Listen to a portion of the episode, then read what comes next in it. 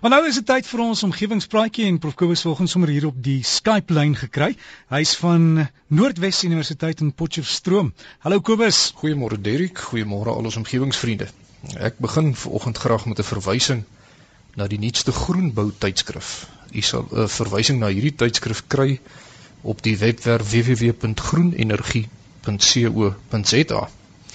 Jy kan gerus gaan kyk, daar's 'n hele klomp interessante omgewingsbrokkies in soos byvoorbeeld dat die kans vir buitengewone hittegolwe wêreldwyd tans 50 tot 100 keer hoër is as 30 jaar gelede.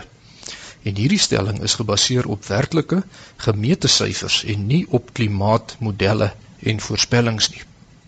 In 2003 is daar 70000 mense dood van hitteuitputting in Europa en in 2010 is daar 56000 mense dood in Rusland terwyl 'n vyfde van Rusland se koringoes vernietig is in reuse veldbrande.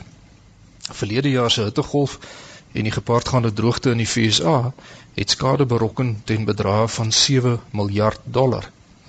Nou hierdie ontstellende syfers is onlangs gepubliseer in die Proceedings of the National Academy of Sciences. Maar u kan die artikel gerus self gaan lees. Daar's 'n ander artikel wat berig dat daar al hoe meer getuienis is dat die wêreldwye toename in kanker die direkte gevolg is van huishoudelike chemikalieë. Maar gaan lees gerus self, u kan kyk op die webwerf www.groenenergie.co.za en u sal daar 'n skakel kry na hierdie artikels toe. En terwyl u dan op die webwerf is, stuur sommer asseblief vir ons u oulike idees hoe om water of energie te spaar of hoe om op 'n omgewingsvriendelike wyse van peste en plaae ontslae te raak of sommer enige ander oulike vindingryke apparaat of idee sodat al die besoekers aan die webwerf kan sien wat u gedoen het en dit dan self ook kan doen as hulle sou wou.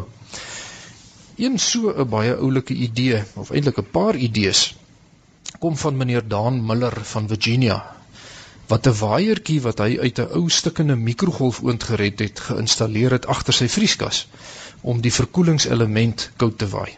Hy sê dat as dit warm is buite, dan loop die vrieskas se kompressor vir ure aan mekaar. Maar nadat hy hierdie klein waaiertjie agter die vrieskas ingesit het wat saam met die kompressor nou aan of afskakel, loop die vrieskas self vir baie korter tye omdat die warmte meer effektief verplaas word. Verder is meneer Miller lyk my geseënd met 'n goeie klompie gesonde verstand. Want hy sê sy vrou Mildy het ook 'n paar van sy idees in die kombuis ter harte geneem. Soos byvoorbeeld eenvoudige goed sodat mens jou oond so min as moontlik moet gebruik. En as jy hom aansit dat 'n mens vooruit moet beplan sodat jy meer as een dis daarin kan gaar maak, soos byvoorbeeld 'n skaapbout en 'n malva pudding of maak genoeg kos gaar vir twee etes. Verder sê meneer Miller dat mens nooit twee stoofplate gelyk moet aanskakel nie, maar eerder die een na die ander moet gebruik. Begin byvoorbeeld met die rys en as die rys lekker kook, begin met die groente. Verder sê hy werk 'n stoompot uitstekend om krag te bespaar want die kos word baie vinniger gaar en selfs beesvleis word murgsag in 'n derde van die gewone kooktyd. Die stoofplaat onder die stoompot kan selfs 5 tot 10 minute voor die tyd afgeskakel word. Hy sê verder moet mens jou yskas so min as moontlik oopmaak, so beplan wat jy gaan nodig hê voordat jy die deur oopmaak. En bære die yskas goed ook so gou moontlik nadat jy van die supermark af kom voordat die goed nou weer warm word en die yskas dan hard moet werk om die goed weer koud te kry. En luister na hierdie pyp idee en ek wonder hoekom ek nog nooit daaraan gedink het nie. Meneer Miller sê dat as dit moontlik is behoort die yskas en vrieskas nie in dieselfde vertrek te wees waar jou oond en jou stoof is nie. Want die warm lug van die stoof veroorsaak dat die yskas kompressors langer moet loop om die goed binne in nou koud te hou. Meneer Miller sluit af deur ons daarop te wys dat ons nie net audiovisuele toerusting by die mure moet afskakel nie, maar ook nuwer moderne elektroniese apparate in ons kombuise en waskamers soos mikrogolfoonde, wasmasjiene en skottelgoedwasmasjiene, want die transformatortjies trek aanhoudend krag. Baie dankie meneer Daan Miller van Virginia vir die idees. En al hierdie idees is reeds op die webwerf www.groenenergie.co.za aangebring vir ons ander omgewingsvriende. Dan omgewingsvriende, het ek die afgelope week 'n baie aangename telefoongesprek met 'n mediese dokter van Humansdorp gehad. Ons praat maar net van dokter Chris. Hy is reeds 86 jaar oud, maar hy praktiseer steeds as 'n mediese dokter. En hy het vir my uitstekende raad gegee teen griep en verkoue.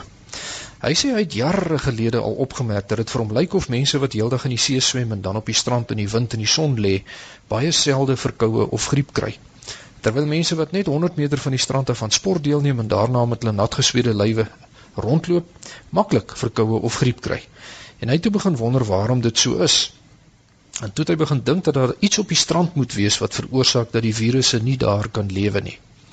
Nou na verdere denke oor die saak het hy begin wonder of die sand nie net bloot te warm bak in die son sodat virusse nie daar kan oorleef nie.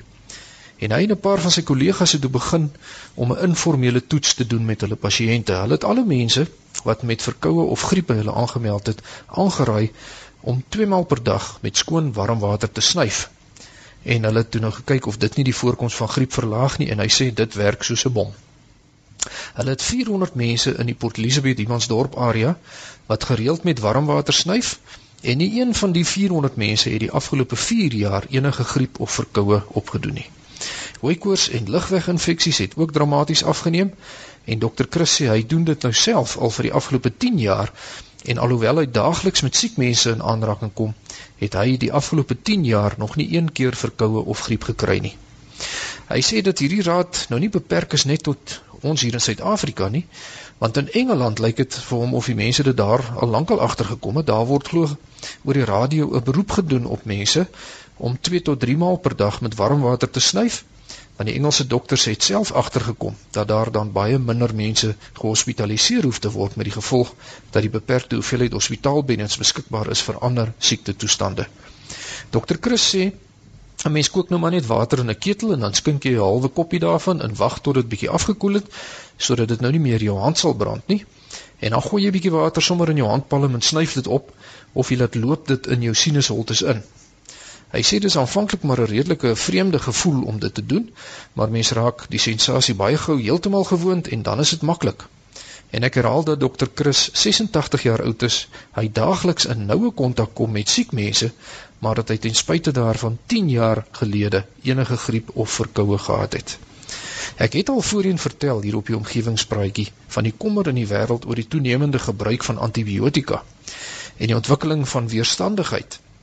So gebruik gerus hierdie raad van dokter Chris en kyk of dit vir u werk sodat u nie onnodig antibiotika hoef in te neem sodat die dag wanneer u dit regtig nodig het dit dalk nie meer so effektief werk soos wat dit moet werk nie. Baie dankie dokter Chris van Humansdorp vir daardie interessante raad.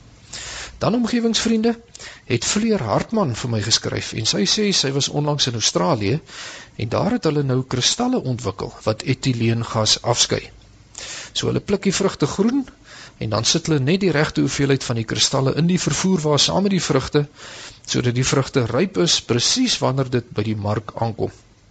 Sy sê verder dat dit vir haar lyk of die Australiërs hulle nou nie veel steur aan sonenergie nie ten spyte van die feit dat hulle soos ons hier in Suid-Afrika uitstekende potensiaal vir sonenergie het. En dan sluit sy trots af deur te vertel dat haar dogter 'n veearts in Sydney is en dat die Suid-Afrikaanse veeartse baie gesog is in Australië. Sy sê dis 'n groot pleintjie vir ons pypopleiding hier in Suid-Afrika en ook ons toegewyde Afrikaners. Want die Australiese mansveeartse kon hulle oë nie glo toe sy 'n lam uit 'n ooi uittrek nie en ook toe sy 'n filletjie kon regdraai binne in die merrie voordat die filletjie gebore is nie. Dankie Fleur Hartman vir jou brief en jy maak my hartsnare sommer lekker warm met jou trots op jou herkoms.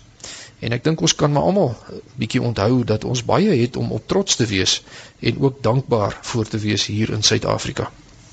Dan omgewingsvriende sluit ek graag vanoggend af met 'n brief van meneer Wouter Steyn wat 'n stuk vir my gestuur het wat deur die bekende toekomskundige Dr Piet Miller geskryf is. En dit gaan oor ons aftree ouderdom. Ons weet dat ons ekonomiese groei in Suid-Afrika dringend nodig het en Dr Miller bepleit dit dat ons die aftree ouderdom in Suid-Afrika moet verhoog. Hy sê in 'n onlangse verslag met die titel Golden Workers wat dan nou verwys na gryskrag soos ons dit in Afrikaans kan vertaal wat vir die Europese Kommissie opgestel is, word gemeld dat ouer werkers aansienlik beter vaar as hulle jonger kollegas wat taalvaardighede betref, die vermoë om emosies in moeilike omstandighede in bedwang te hou en om komplekse probleme in moeilike omstandighede op te los. Verder is hulle ook meer toegewyd en lojaal as hulle jonger kollegas. Maar nou word sulke mense gedwing om op 'n relatief vroeë ouderdom af te tree. Dr Miller sê as hoogs opgeleide mense net 5 jaar langer kan bly werk, dit 'n enorme kumulatiewe uitwerking kan hê op 'n land se ekonomiese groeikurwe. So al ons omgewingsvriende wat in besluitnemende posisies is, hier is iets om aan te dink en te oorweeg. Derek ek sien ek moet afsluit. Ek hoop al die mans wat ver oggend na my geluister het, het Valentynsdag onthou. Anders gaan julle maar 'n redelike droë naweek hê. So as jy vergeet het, gaan koop maar net nou goue bos blomme en 'n kaartjie en maak jou vrou se hart gelukkig. As jy vir my wil skryf, is jy welkom. My rekenaaradres is kobus.vanderwalt@nwu.ac.za of ek is by die fakulteit Natuurwetenskappe, Noordwes Universiteit, Potchefstroom 2520. Vriendelike groete tot 'n volgende keer. Dankie Kobus Kobus van der Walt. Daai e-posadres is kobus.vanderwalt by nwu.ac.za.